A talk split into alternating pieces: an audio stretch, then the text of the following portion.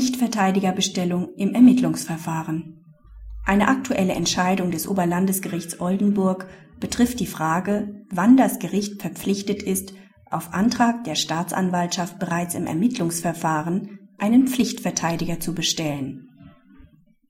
Paragraph 141 Absatz 3 StPO sieht die Möglichkeit vor, dem Angeklagten bereits im Ermittlungsverfahren einen Pflichtverteidiger zu bestellen, wenn absehbar ist, dass für das gerichtliche Verfahren nach Paragraph 140 StPO die Mitwirkung eines Verteidigers notwendig sein wird.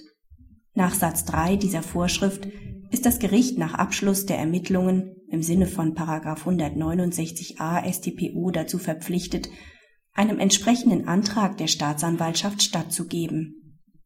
Vor diesem Zeitpunkt steht ihm ein Ermessensspielraum zu.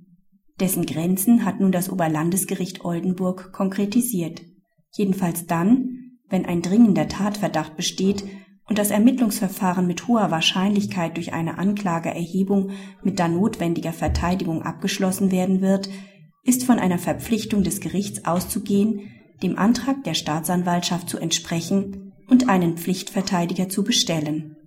Dies folge aus der Stellung der Staatsanwaltschaft als Herren des Ermittlungsverfahrens und dem Sinn und Zweck von 141 Absatz 3 StPO.